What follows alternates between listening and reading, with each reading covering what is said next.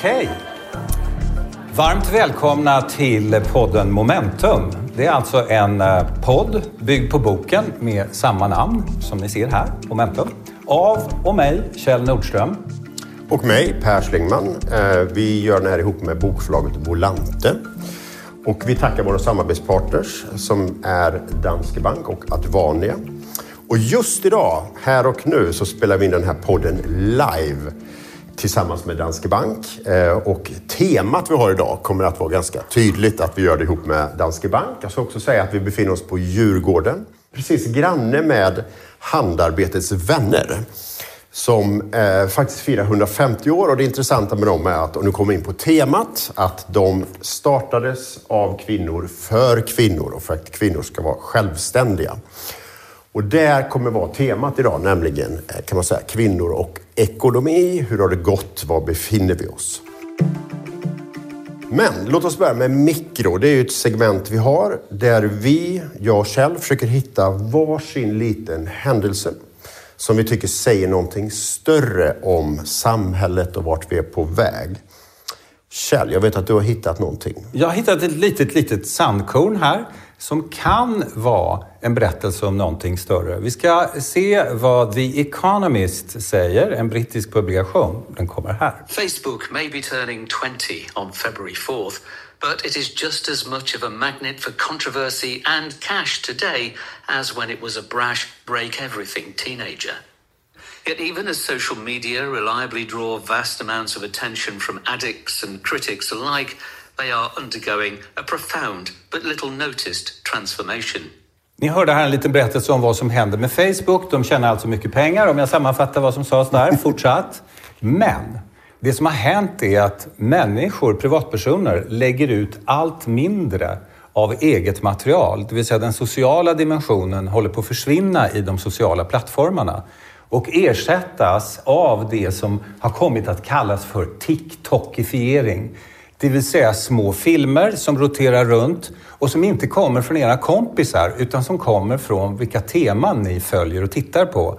Katter om man är intresserad av katter, ekonomi om man är intresserad av ekonomi och då kommer det filmer och de har ingenting med ert sociala nät nätverk att göra.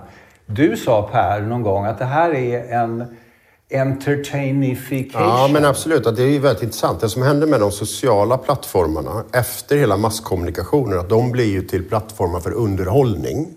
Och man ser samma sak på LinkedIn. Färre som skapar innehåll, fler som tittar. Och jag tycker också så är det intressant, för att någonstans ser man ju att hela sociala medielandskapet går mer mot underhållning. Men att det finns, upplever jag bland många, framförallt företag, en, nästan en rädsla framförallt för TikTok som man ju tror fortfarande handlar om barn som dansar. Och jag tycker det intressanta här är ju att om, man, om det finns en rädsla för TikTok så kanske det är enklare att ta till sig TikTokifiering. Därför att det rör ju allting. Så det handlar om att å ena sidan bli mer underhållande. Och jag är ju själv på TikTok med faktiskt eget underhåll. Men annars är det intressant därför att ålderskategorin blir äldre och äldre. Men de som skapar innehåll är fortfarande ganska unga. Och, vilket kommer i den här berättelsen också som Economist gör och analysen utav de sociala plattformarna. De seriösa diskussionerna, för det finns sådana också oss människor emellan, de flyttar till privata forum. Alltså slutna forum där man är legitimerad för att komma in. De ligger på WhatsApp, de ligger på Telegram och de ligger på olika ställen där man då för en diskussion. Om man är intresserad av tjejer och ekonomi så är man med i en sån. Men den är inte public den är private. Det vill säga vad som nu händer igen är att det sluter sig, det som en gång byggde på öppenhet, öppenhet, öppenhet och nu i det här lilla sandkornet mm. berättar att kanske är vi på väg mot slutna forum igen där man för... Å ena sidan, men jag tänker också så här, var skapas konsument... Var förändras konsumentbeteende? Vem påverkar konsumtionsbeslut? Det ligger väldigt mycket i den här underhållningsdelen, framförallt allt som är kopplat till konsument, livsstil, jag kan tänka mig privatekonomi. Var någonstans får man sina intryck och påverkas? Alltså, och det tror jag förflyttas till en mycket mer underhållande del. Och vi brukar ibland säga så här eh, att vi går från masskommunikation, en kommunicerar med många, till att många, alla kan kommunicera med alla. Men det är också så att om många kan kommunicera med många så kan ju några av de här många nå väldigt många. Alltså Bianca Ingrosso når ju något fler än vad vi gör. Och det är väl det här som är utmaningen, att kunna skapa energi och innehåll.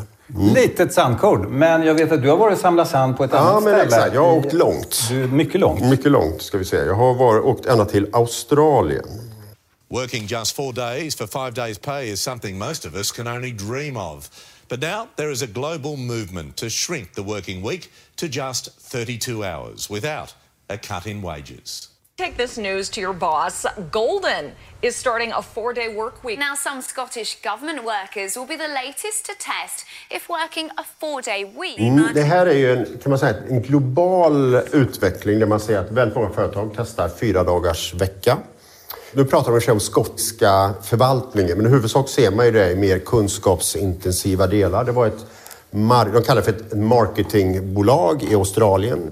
Jag pratade själv med företaget Sandqvist som tillverkar eh, väskor som gör det här i Sverige. De har gjort en produktivitetsdeal kan man säga med alla medarbetare där de säger att alla jobbar tisdag, onsdag, torsdag så får man välja om man är ledig fredag eller måndag.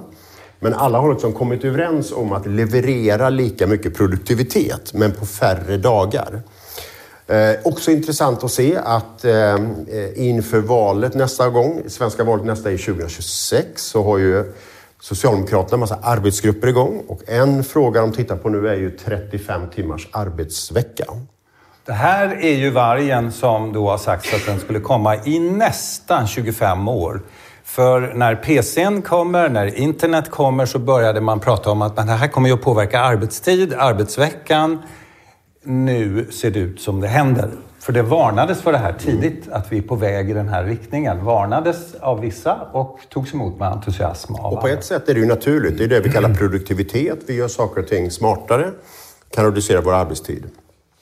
Men å andra sidan så ska man väl säga så här att i vissa sektorer, vi tar besöksnäring, vården, vi ska återindustrialisera Sverige nu med batteriproduktion och sådär. Det kommer ju vara väldigt, väldigt olika i olika delar av ekonomin. Men tveklöst är det nog så att det här är en fråga som kommer att vara på dagordningen framöver. Sen om det blir så att eh, det blir en politisk fråga, att vi kommer gå fram med det lagstiftningsmässigt, kollektivavtalen mellan parterna eller att vi ser enskilda företag. Det får vi se. Ska vi röra oss mot vårt huvudämne? Det tycker jag. Och det är mm. helt enkelt, var är tjejerna? Och eh, det är ju en fråga som har är aktualitet hela tiden. Men idag ska vi fokusera helt enkelt på området ekonomi och vi ska titta på inkomster. Mm. Vi ska prata om förmögenhetsfördelning och vi ska göra det med Jenny Sandén som är privatekonom. Du ska alldeles strax få berätta vad en privatekonom mm. gör, för det är jag lite fundersam med. Vad gör man som privatekonom? Eh, och vi ska gå igenom lite statistik som har samlats ihop som är helt aktuell och som berättar lite om var tjejerna är i det här avseendet.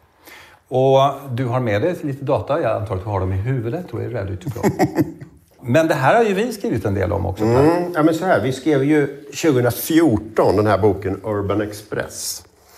Uh, och vi börjar egentligen där med att försöka söka svaren på var någonstans ser vi att förändring sker? Och vi var ju ganska övertygade från början att det kommer bli bland de stora entreprenörerna. Men vi landade ner i att det är i städer och det är hos kvinnor. Eh, och gick ju ganska långt. Vi definierade ju att staden eh, kommer att förändras, utvecklas till girlvilles. Kvinnor tar över och det bygger ju på liksom att kvinnor flyttar till städer snabbare än män. Kvinnor dominerar utbildningssystemet. Jag ska läsa ett litet citat, tänkte jag, ur boken som säger lite om, om vad vi då tänkte, alltså för tio år sedan. Då sa vi så här, den urbana revolutionen sveper bort det mesta av de etablerade strukturerna. Urbanistorna tar för sig av den frihet som bjuds och lite till. Män och kvinnor, alla är med. Så att vi var ju ganska tydliga, lite som, jag hittade en annan bok här, nämligen eh, en bok som heter Amazonia. Kommer du ihåg den? Eh, Arne Järnelöv. Väldigt intressant bok, en svensk eh, akademiker professor och miljöforskare som menar att vi kommer gå i en utveckling där kvinnorna tar över och han kallar det samhället för Amazonia. Eh, Arne fick ju väldigt mycket kritik och den var kontroversiell när den kom och även vi fick det. var ju ganska livat. Ja, det var livat på mötena, det måste man säga, när boken presenterades. Så frågan är någonstans, eh, finns det anledning nu tio år senare för oss att ompröva vart vi då trodde att världen var på väg? Och Jenny ska alldeles strax mm. få berätta lite om det, men bara påminna om att förra årets Nobelpris, som ju mm. du följde också, som gick till en amerikansk kvinnlig professor på Harvard som heter Claudine Goldin, som gjorde, har mycket solid forskning som har visat på ett mystiskt fenomen. Hon har visat på att när man öser in utbildning i ett land och ger män och kvinnor samma möjligheter till hög utbildning så ökar löneskillnaderna mellan män och kvinnor och till kvinnors nackdel. De ökar, inte minskar. Och det är mycket väl beforskat. Hon har fått Nobelpriset, eller det är ju inget riktigt Nobelpris det som är ekonomi. Men i alla fall, hon har fått priset.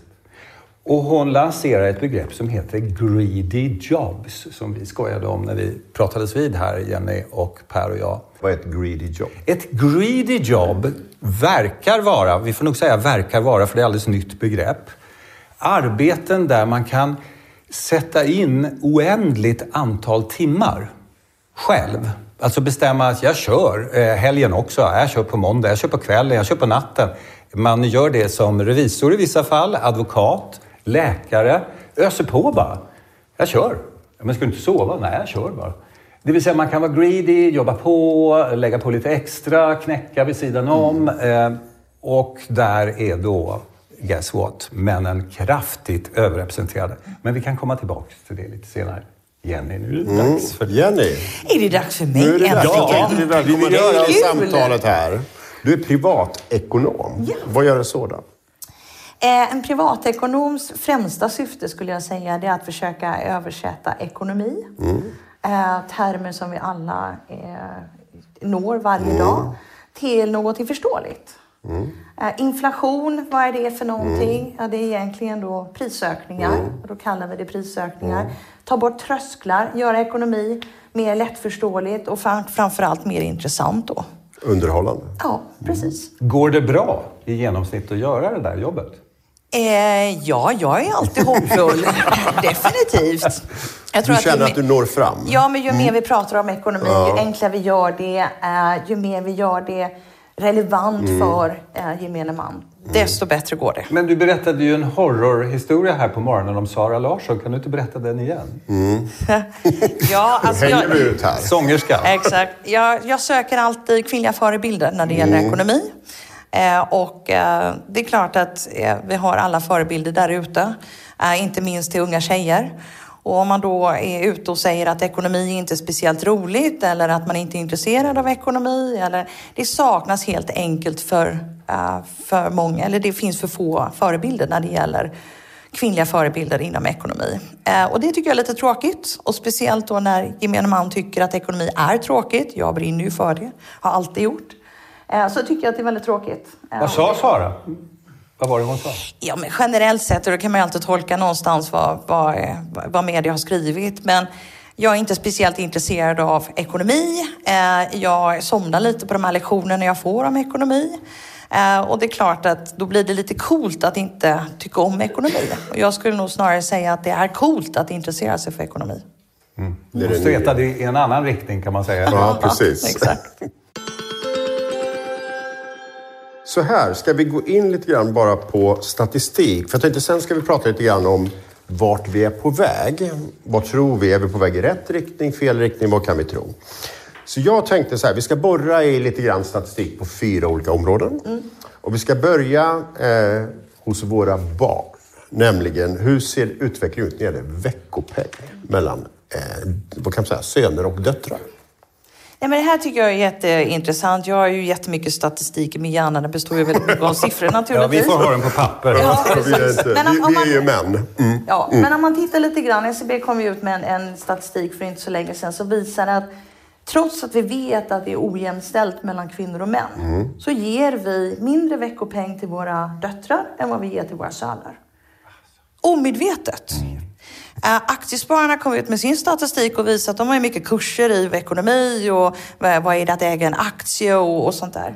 Och där kunde de ju visa på att de flesta som söker deras kurser eller som föräldrarna sätter in på deras kurser är pojkar i större utsträckning än flickor.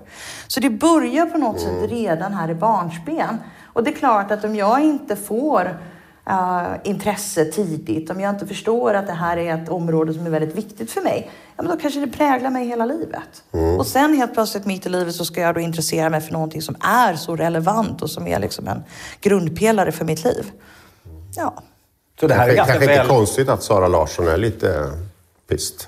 vet inte. Vi har väl alla olika intressen. Ja, jag är ju präglad från finansbranschen. Min far är gammal finansman. Så jag har någonstans lärt mig att det här är viktigt. Men jag hittade också passionen tidigt för det. Och jag tror att där, bara vetskapen om att veckopengen ser olika ut för söner och döttrar gör att vi kanske då förändrar detta förhoppningsvis medvetet. Mm. Och här har vi tyvärr ingen tidsdata, eller hur? Vi kan inte se en tidsserie. Nej, om det har nej. ökat gapet eller minskat. Ägande. Ja. Hur ser det ut på ägandet? Ja, men ägandet är ju också rätt intressant att titta på. Om vi börjar på företagssidan så ser vi liksom mikrobolag. Ja, men där har en hyfsat jämn fördelning då mellan, eh, mellan män och kvinnor. Med mikrobolag menas en anställd, två Ja, precis. Att du Små, är små. egen, egenföretagare helt enkelt. Men ju, ju större bolaget blir, desto mindre ägande blir det då för kvinnor kontra män. Och sen har vi ju det där fenomenet som kom ut för ett par år sedan som är femwashing. Och det innebär egentligen att du sätter till en kvinnlig VD. Men ägandet är fortfarande på män, vilket då innebär att var ligger makten någonstans? Jo, men makten ligger då på den manliga sidan. Sen kan vi titta på börsen. Hur ser liksom ägandet ut på börsen? Och även om det är betydligt fler kvinnor som har kommit in på börsen och börjat investera i fonder och aktier, kanske också med premiepensionssystemet. Med Och det kan man se. Och det kan man se, absolut. Men kapitalet ligger fortfarande tyngre på den manliga sidan än vad det gör på den kvinnliga sidan. Och det späs ju på naturligtvis därför att du får kapitalinkomster om du äger en aktie och sådana här saker. Eh, och sen kan vi titta på fastighetssidan.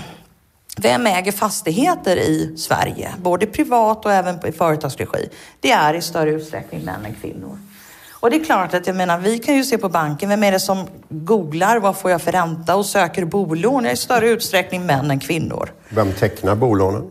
I större uträckning män än kvinnor. Sen är det oftast två naturligtvis. Jo, absolut. på det. Men Men, vem som tar- huvudlåntagare och det är ja, oftast precis. män då någonstans. Och sen har vi ju riskkapitalet. Det är ju rätt mycket diskuterat. Exakt. Försvinnande liten del som går till kvinnor, framförallt i tech, på Ja, techsidan. där är det en kraftig Mm. underrepresentation av kvinnor. Kanske den bransch som det går sämst för när det Mm. gäller jämställdhet. Riskkapital alltså. Men riskkapital tycker jag är lite intressant för om du liksom djupare i den frågan så kan man se, startar kvinnor bolag som riskkapitalister vill investera i? Eh, och gör man inte det så får du ju mindre andel i det. Men det är klart, här finns också en ojämställdhet. Det finns också statistik som visar på att om det är kvinnor och män som har samma typer av affärsidé så tolkas den kvinnliga affärsidén sämre utav allmänheten än vad mäns affärsidé är. Och det kan vara precis samma affärsidé. Om man är lite marxist så kan man säga att männen är kapitalister. Ja, Gammal hederlig kapitalist. Ja. Äger fastigheter, företag. Kapitalet kontrolleras av män. precis. Men det kan finnas någon kvinnlig tjänsteman som högsta chef. Mm. Fem Men det år finns ju också en, eh, alltså en annan utveckling som, tar, som går lite grann i en annan riktning här och det är att kvinnor har en högre livslängd. Eh, och det tittar man framförallt på, om man tittar på OECD så ser man att kvinnors förmögenheter har ökat snabbare än mäns. Och det beror just på att kvinnor ärver ofta eh, liksom förmögenheterna i familjen. Sen är det olika system i olika länder. Men det kan man se på, på liksom mer global nivå, att det pågår lite i en annan riktning. Inkomster då? Löner, hur ser det ut där? Men där har vi ju haft väldigt mycket fokus. Och då ser vi ju att gapen eh, i inkomster mellan män och kvinnor har ju sjunkit då fram till 2019. Tyvärr så ökar den då igen. Efter 2019. Efter 2019. Pandemieffekt lite. Ja, lite pandemi, men 2019, ja lite innan sådär. Men, men vi ser ju att den också då ökar. Och sen har ju vi ett tjänstepensionssystem som innebär att om man tittar då utifrån ett svenskt perspektiv, då skiljer sig tjänstepensionen mellan män och kvinnor med 28 procent. Uh, Medan om du tittar på Danmark då är det 8 procent, tittar du på Island är det 4 procent. Vad beror det på? Jo, vi har ett tjänstepensionssystem som bygger på slutlön. Och slutlön skiljer och då blir vi ju liksom, som kvinna då drabbad av det också. Då. Ska vi ta sista området för statistik som eh, kanske är lite mer eh, hoppfullt, nämligen utbildning. Hur går det där? Ja, men det är, ju, det är lite som vi varit inne på. Eh, utbildningar, det är ju fler kvinnor som söker till universitetet och får en gedigen utbildning. Så där har vi ju liksom... Jag tror två tredjedelar av alla som går ut högre utbildning är kvinnor Ja. och en tredjedel män. Precis. Och Och sen har man ju tittat lite grann på den lägre generationen då. Hur ser det ut där? Ja, men då har man ju tittat på en statistik som visar att hela utbildningssystemet som har förändrats då i högstadier och gymnasieskolor bygger på mer frihet under ansvar och det är mer liksom, frihetsarbete. Ja, men det tilltalar då mer kvinnor än vad det tilltalar män. Och där har man ju då en, en annan utveckling där man ser att killar i större utsträckning har svårare för utbildningssystemet än vad tjejer har. Sådär då. Ja, men man brukar ju prata om den här väldigt starka feminiseringen av utbildningssystemet och man ser det i, egentligen i alla utbildningar i alla västerländer, alltså i alla länder i hela, i vår Där vi del av har världen. tillförlitlig statistik. Och jag tror att det var någon som sa att i Sverige nu så är det, det finns bara ett ämne där killarna är bättre än tjejerna och det är idrott. Så frågan är ju, vi ska komma in på det, hur kan vi växla in kunskap också till makt? Men då tänkte jag så här, nu har vi liksom en bas. Eh, Var står vi någonstans? Veckopeng, ägande, inkomster, utbildning. Så då är frågan, vart är vi på väg? Mm, det är lite på spåret Vill du här. dra på 10 poäng så får du säga till. Får jag dela en statistik till här Ja, bara ja, lite det- grann? det- det- att jag, det- det- i, igår kom TCO ut med en rapport Mm. just i år firar ju föräldraförsäkringen 50 år. Och då kom de ut med statistik i, i, igår så sent eh, som visar då på att kvinnor tar större ansvar för eh, att vara hemma med barnen och det är vab och det är alla de här obetalda eh, arbetena. Vilket innebär att oftast gör man det första nio åren utav, utav barnets liv. Och då riskerar man att tappa ungefär 50 000 per år. Och det här är ju oerhört intressant därför att eh, när vi skrev vår bok, Kjell, kommer du ihåg det? Så var- tittade vi väldigt mycket på hur ser inkomstfördelningen ut i städer? Och då såg vi väldigt tydligt att unga killar och tjejer, att i, jag tror att det, idag är det över 50 amerikanska städer, det tjänar tjejer mer än killar fram till familjebildningen. Det är när, när familjebildningen sker så förändras hela strukturen och det är ju TCO pekat många gånger på detta. Och här är ju intressant tycker jag, därför att här finns det ju också olika typer av verktyg man skulle kunna använda. Alltså föräldraförsäkringen och annat och sådär. Får jag fråga något, Jenny, eh, dig? Den här brytpunkten 2019, när skillnaderna börjar öka igen. Kan man misstänka eh, att det här har någonting med distansarbete att göra, det som kallas för hybridarbete? Och att det möjligen var en tjejfälla, förklädd sådan, för den ser så gullig ut. För man kan jobba hemifrån och det är praktiskt och man kan få ihop sitt livsschema. Men att det visar sig att det här är någonting som kvinnor använder i högre utsträckning än män. Det är, väl- det är en fråga. Är det så? Ja, alltså, den statistik jag har tittat på eh, visar ju på att, jag vet inte säga om det är en kvinnofälla eller inte, men att, att kvinnor i större utsträckning tog distans eh, delen och så sköter man hemmen och så blir det då en, en kvinnofälla om man det här vill kalla det. obetalda Ja, arbetet precis. hemma, det förstärktes igen. Vi Precis. cementerade det. Så att säga. Ja, men man är heller inte på huvudkontoret och myglar om Nej. nästa tjänst. Nej. Eller hur? Nej, Nej, för det visar ju annan data det Du här. sköter att livet. Ska man göra karriär så ska du vara fysiskt nära. Det är fortfarande har vi inte lärt oss liksom att, att hitta en, en formel för hur vi kan ha distansarbete och se människors kompetens fullt ut. Men låt oss gå tillbaka. Vart är vi på väg? Eh, då tänker jag så här att min ingång, det finns ju flera olika perspektiv. Ett område där jag i alla fall skulle säga preliminärt är att vi har gått i rätt riktning de senaste, låt oss säga tio åren. Det är i den politiska makten. Det har vi haft en väldigt, väldigt tydlig utveckling och vi ser det framförallt på lokal nivå. Eh, Vi ser det liksom bland parlamentariker i olika länder, vi ser det bland statsministrar och sådär. Men ekonomiskt verkar det ju mycket, mycket trögare. Och det är kanske det som vi får konstatera, Kjell, utifrån våra profetier 2014, att vi underskattade någonstans hur otroligt starka de här ekonomiska maktstrukturerna är. Och hur starka idéer är. Mm. Det vill säga att vi människor blir besatta av en idé. Till exempel att fira jul om man är kristen. är vi lite besatta av. Och så firar vi och firar och firar. Det är lätt länge Men också det här att ha gräsmattor. Att gräsmatta, vi brukar skoja om Ludvig den XIVs gräsmatta. Det, det är skälet till att vi har gräsmatta är att han la, han la en gräsmatta för att visa att det har jag råd med och det behövs inga höns och inga kor och ingenting. Och nu har man det i Vällingby och överallt, en liten gräsmatta för att visa att det har vi råd med också. Det vill säga en idé som är 300 år gammal som fortfarande präglar oss. Vi vet inte längre var den kommer ifrån. Nej, och vi vet inte varför, men man ska ha gräsmattor. Men gräsmatta har man. Det är fint. Det är fint. De här ekonomiska strukturerna innehåller antagligen en del sådana trögheter, det vill säga männens roll i en svensk familj för bara 125 år sedan var i princip att vara koncernchef. För barnen, för precis. kvinnan som var omyndig, eh, långt fram i tiden. Det är ju en idé. Det är ju inget annat. Sen kan man ju ändra lagstiftningen och man kan ändra det och det, men idén, den är ju där. Och den finns väl fortfarande, eller hur? Man skulle kunna säga den här, man kallar det för mansrollen. Att mannens roll är att vara försörjaren. Och sen så lever man i ett samhälle, två till tredjedelar av alla som går ur högre utbildning är kvinnor och så vidare. Och parallellt med den här diskussionen vi har här, var är tjejerna? Så finns en annan diskussion, nämligen alla de här eh, männen som inte har så mycket studielån, som bor kvar oftare på landsbygden, som blir ganska arga, som känner sig utanför samhället.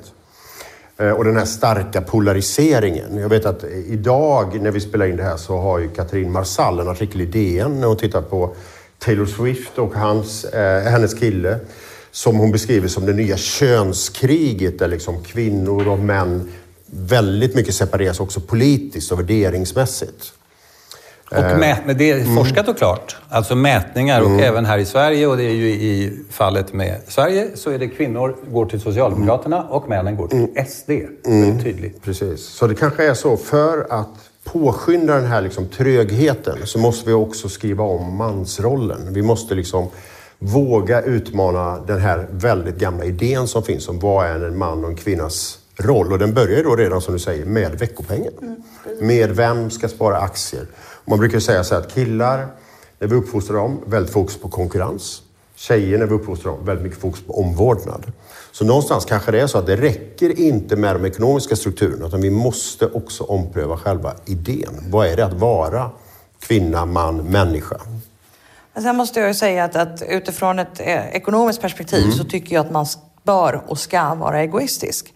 Alltså jag måste se om mitt eget hus. Jag tycker det är fascinerande att ekonomi är ett av de få ämnen där väldigt många säger att det är tråkigt, det är komplext och jag idiotförklarar mig själv. För det första så finns ju bankerna till för, jag går ju till läkaren om jag är sjuk, jag går till bilmekanikern om det är fel på bilen, jag ska gå till banken om jag inte förstår ämnet. Eh, Så att vara egoistisk, ta eget ansvar, det är jätte, jätteviktigt. Sen kan ju alla de här strukturerna som vi pratar om, vi pratar om Du skattesystemet. betonar det här egna ansvaret. Ja, det gör jag. Jag tycker att vi har ett eget ansvar som vuxen att förstå. Om Vi, vi gjorde en undersökning för ett år sedan ungefär. Vi kunde se att fyra av tio kvinnor inte har råd att separera. Det är ju katastrofalt för samhället, men det är ju också att jag har ett eget ansvar i det. Eller men jag, jag träffar kvinnor som säger att min, min man har nu träffat en ny och har liksom, eh, byggt upp hela bolaget och jag har varit hemma och nu får jag ingenting när vi separerar. Det är klart att det är ju naturligtvis eh, skit Förfärligt. förfärligt. För, förfärligt. Men jag har också ett eget ansvar som kvinna och som vuxen att ha ekonomi och intressera mig för det och bygga upp min trygghet i det. Så det här med skattesystemet, ja det är klart att det har ju också präglat att har jag kapitalinkomster eller jag äger kapital så har ju skattesystemet då privilegierat den delen. Och då har det ju också ökat på skillnaden någonstans. Men jag måste ta ett eget ansvar, jag måste ställa krav och jag måste våga prata ekonomi kring köksbordet. Hur tråkigt jag än tycker att det är. Det är faktiskt rätt kul att ha trygghet i livet. Jag ekonomi. lyssnade på dig första gången Jenny och det var lika spännande då så kom jag att tänka på hemkunskap i skolan. Det gamla ämnet hemkunskap. Som till del tillkom för att lära män att laga mat så att de inte skulle dö av undernäring och sådär när kvinnorna var borta. Och då hade man hemkunskap i skolan och för att jämna ut. Behöver vi något liknande nu? Men när det gäller ekonomi? Ja, jag tycker absolut att vi ska ha mer ekonomi, precis som matematik i skolan. Skulle vi jag- behöver vi prata ekonomi på schemat? Ja, jag tycker vi ska prata ekonomi på schemat. Men jag tycker också att vi ska prata ska man- ekonomi runt köksbordet. Hur små kan de vara när man börjar prata? Alltså, jag börjar prata med barn rätt tidigt. Eh, men du måste prata på barns språk naturligtvis. Så, du kan, alltså, så tidigt som möjligt. Sju? Ja, sju. Alltså, börja redan när de är fyra. Börja redan när de börjar säga att jag skulle vilja ha det där. Okej, det kostar någonting. Var får man då pengar ifrån? Och så börja på barns språk någonstans att börja prata om det. Vi kan inte prata inflation och, och ränteförändringar och så, så tidigt. Men, men du kan ändå... Nej, du jag får kommer en jag kommer veckopeng ihåg- jag gå kommer ihåg en fråga som ett barn ställde en gång som var så här. Varför är popcorn som är så gott så billigt och guld som är helt meningslöst och onyttigt så dyrt? Det är en ganska bra fråga att ställa sig. Det är en fyraårsfråga. Den kan man jobba med till man är 35 år. Den är inte menar- enkel att svara på. Men får barn en veckopeng så är det väldigt lätt för oss föräldrar att säga så här, nu får du spara den veckopengen för Ja. du vet ju att du ska göra det och det till helgen. Men låt barnet istället säga, om jag nu köper godis för 20 kronor, vad har jag då kvar? Alltså, Skulle du börja- säga att det är ett, ett, är det utmaning att vi inte längre har sedlar och mynt utan att vi har digitaliserat? Du, det där är rätt intressant för att som, som lite äldre då eh, så kan man väl säga att vi tror, eller jag känner trygghet om jag har kontanter i plånboken. Barn känner otrygghet om det är kontanter. De känner trygghet när det är digitala pengar. Ja, jag förstår. Men det är kanske är enklare att tänka budget, pengar, sparande, att det är något fysiskt. Högar, som Högar. farbror Joakim har. Med Ja, men precis. så- Men gör det lite kul. Alltså sätt ut att det, det, man får lite lön eller man får Mm. veckopeng och sen ska det gå till lite saker. Vad blir det då kvar? Jo, men det blir ett sparande och sparande skapar trygghet. Och så börjar man redan där. Vill du ha de där skorna? Ja, men då kanske du får spara fyra veckopengar för då har du råd att köpa skorna. Och sen säger man nej till Swish-förfrågningar. Ja, eller åtminstone ställer kanske motkrav på Swish-förfrågan. Men, men vad skriver du då? Det, det är kanske därför som, vi, vi pratade lite innan här, du var lite upprörd över Sara Larsson. Och det var väl just därför att skickar man, har man förebilder som skickar andra signaler så blir det väldigt svårt faktiskt att få människor att ta det här egna ansvaret. Temat i vår förra podd var ju faktiskt superindividualismen. För vi lever ju dessutom i ett samhälle där allt mer hamnar på individen. Jag ska ta ansvar för min egen hälsa. Jag ska ta ansvar för min egen kunskap. Jag ska ta ansvar för min egen ekonomi. Och liksom hur, får, hur kan vi skapa ett samhälle, vad skulle du säga, som gör att människor känner, vill ta mer av eget ansvar? Jag tror att det, det hela handlar om att vi måste prata om ekonomi mycket mer. Eh, vi, måste, vi måste öppna upp för att säga att men jag, jag förstår inte här. Det är också så att det är väldigt svårt att ja, men ekonomi bör jag kunna. Vilket gör att det är väldigt svårt för mig att ställa frågor till någon annan och lite grann säga att jag förstår inte det här ä- ämnet. Vilket jag kan göra på vilka andra ämnen som helst och det är helt okej. Så ta bort de här trösklarna, ta bort den där Hur gör vi det? ångesten. Hur kan vi göra det snabbare? Hur kan vi accelerera den utvecklingen? Jag tror att fortsätta prata om ekonomi, våga prata om det hemma, våga prata om det i samhället, belysa de här saker vi idag gör. Och sen vill jag bara lägga till, jag är inte bara upprörd över det som stod med Sara Larsson. Nej. Jag är upprörd över förebilder generellt sett. att De, Absolut. de sa, avsaknad av det. Hon blev en det. symbol. Ja, precis. Men kanske också, jag tänker mer populärkultur. Alltså, eh, Kjell, du skrev i boken Apan och kapitalet. Men Ja. lite, det blir lite mer makro, men att försöka förklara hur ekonomi fungerar. Hur, för även den som inte är ekonom. Ja, idén är att den ska kunna läsas av någon som är 16 och lite förbannad till och med på samhälle och ekonomi. Men man ska ändå få en känsla för vad det här är för någonting. Jag kommer att tänka på pandemin och Tegnell som undervisade oss i virologi under en ganska lång tid. Och många fick ju då en känsla för hur bakterier och virus fungerar och vad vi vet och inte Det var vet. väldigt många män som var tvärsäkra experter också. Ja, och som eh, backade gradvis så att säga vartefter kunskapsläget eh, lanserades. Det blev ju en undervisning. En tanke som jag får när jag lyssnar på Jenny är att ekonomi är ju läran om knappa resurser. Sverige har inte haft knappa resurser på ganska lång tid, det vill säga kollektivt upplevelse av knappa resurser. Vi har inte behövt föra den diskussionen på samma intensiva sätt som man kanske måste göra i, på andra platser i världen. Tror du det spelar roll? Ja, det tror jag absolut att det gör. Jag tror att det är viktigt att, att, för det första så tror jag att det är viktigt att göra det väldigt enkelt för alla att förstå. Att man hittar olika områden. Det finns områden inom, inom eh, ekonomi som jag har mer passion för och områden som jag har mindre passion för. Att man hittar någonstans en början. Men framförallt så tror jag att det, det är viktigt att förstå att ekonomi är en grundplåt för att skapa egen trygghet för mitt liv. Sen måste vi ställa krav. Jag pratar om att man ska vara egoistisk i ekonomi och det tycker jag absolut man ska vara. Men man måste också ställa krav. Uh, runt köksbordet. Ja, jag kan ta vabbdagar, men vet du vad? Då vill jag ekonomiskt kompenseras. Att våga ställa krav på att man ska dela lika. Jag pratar med många kvinnor som säger att ja, min inkomst, min man har sin inkomst och så delar vi lika på räkningarna. Det är väl inte jämställdhet?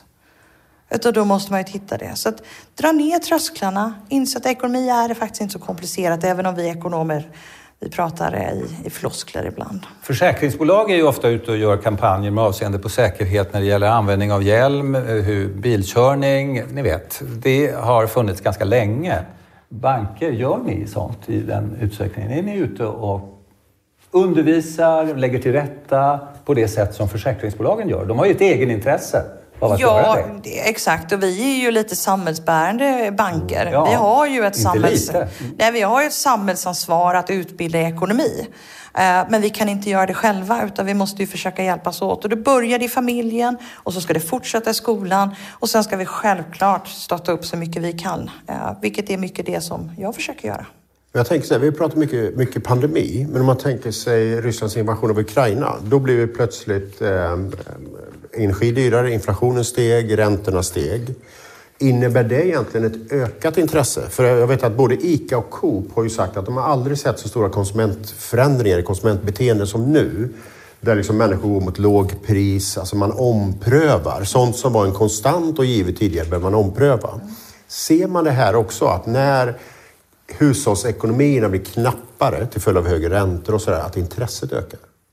Ja, alltså intresse, ja definitivt Fast intresset. under lite tvång då? Ja, och det är det jag menar. Att det är ju inte, det är inte den, den ska passionerade intresset för ekonomi. Utan det är för att jag måste intressera mig för ekonomi. Och det blir nästan lite som du säger under tvång. Och då tycker jag att då, då, ja, då svärtar man ner ämnet ännu mer. Ja, men det är klart att vi aldrig pratat så mycket privatekonomi som vi har pratat om de senaste två åren. Därför att det finns ett intresse för det direkt påverkar min plånbok. Jag ser också att det är framförallt den yngre generationen. De är nu mer intresserade för hur gör jag en budget? Hur skapar jag trygghet för framtiden? Så den här omställningen som vi måste göra, den är ju på väg. Men kanske då lite därför att jag måste ställa om. Jag tänkte vi skulle återvända till den här frågan. Vart är vi på väg? Eh, vi ska alldeles strax eh, gå i mål här, men vi måste ju också fundera på vad tror vi? Är vi hoppfulla? Är vi dystra? Om jag ställer frågan till dig, vart är vi på väg? Du drar på 10 poäng. Vad svarar du? Jag är väldigt hoppfull därför att vi pratar väldigt mycket mer ekonomi idag. Eh, med varandra, i samhället, vi belyser olika saker. Eh, och man har ett, ett större intresse oavsett om det är under tvång eller inte. Men det finns någonting här som jag är väldigt, väldigt hoppfull för. Kjell, vi brukar säga att vi är aktiva, oroliga optimister. Ja. Gäller det även här? Och, Ja. och om, om vi liksom förskjuter oss tillbaka till 2014. Ja. När vi pratar om Girdlevilles och Amazonia och nu händer det. Eh, Men när man har vistats i högskole och universitetsmiljö så länge som jag har gjort och sett mängden kvinnor som då skaffar sig ett kunskapskapital. Det finns ju olika sorters kapital. Man kan ha erotiskt kapital, kunskapskapital, många olika sorters kapital. Kvinnor skaffar sig nu ett tydligt kunskapskapital. Och då är ju frågan, och jag tror eh, att hypotesen är, vi kommer att växla in det här kunskapskapitalet till vanligt kapital. Processen är långsam. Det är uppenbart att det går långsammare än vad jag trodde och vad du trodde Per när vi skrev om det här och kanske vad du trodde också Jenny. Men det blir en växling gradvis. Och jag menar att om man tar mothypotesen, det kan inte inte bli en växling om ni förstår vad jag menar. Det är ju helt orimligt att något annat. Om 70-75 procent av de som går ut som Karolinska är kvinnor så kommer det naturligtvis att påverka det medicinska systemet sett över tid. Så jag är optimistisk och tror att kvinnor kommer att växla in sitt kunskapskapital. Det är inte gjort än. Nej. Nej, för det är det inte. Nej, och jag, jag håller med. Jag tror också det att det måste göra det. Och det måste finnas den här andra sidan också då att män som saknar den här kunskapen, så vi kommer få motsvarande diskussion hos liksom den här männen som inte förmår gå igenom utbildningssystemet tillräckligt. Eh, och jag tror väl att det här könskriget kommer nog att tillta under den här processen. Så att jag tror det finns anledning att vara hoppfull. Men just liksom att frågan är hur lång tid det tar och frågan är hur vi kan påskynda det. Hur kan vi påskynda det politiskt och hur kan vi påskynda det själva? Så, ska vi stanna där? Det gör vi. Tack så mycket. Vi tackar Danske Tack Bank för samarbetet. Tack för er som är här. Och ni har lyssnat på Momentum, en podd som är byggd på en bok med samma namn. Tack så mycket. Tack. Tackar.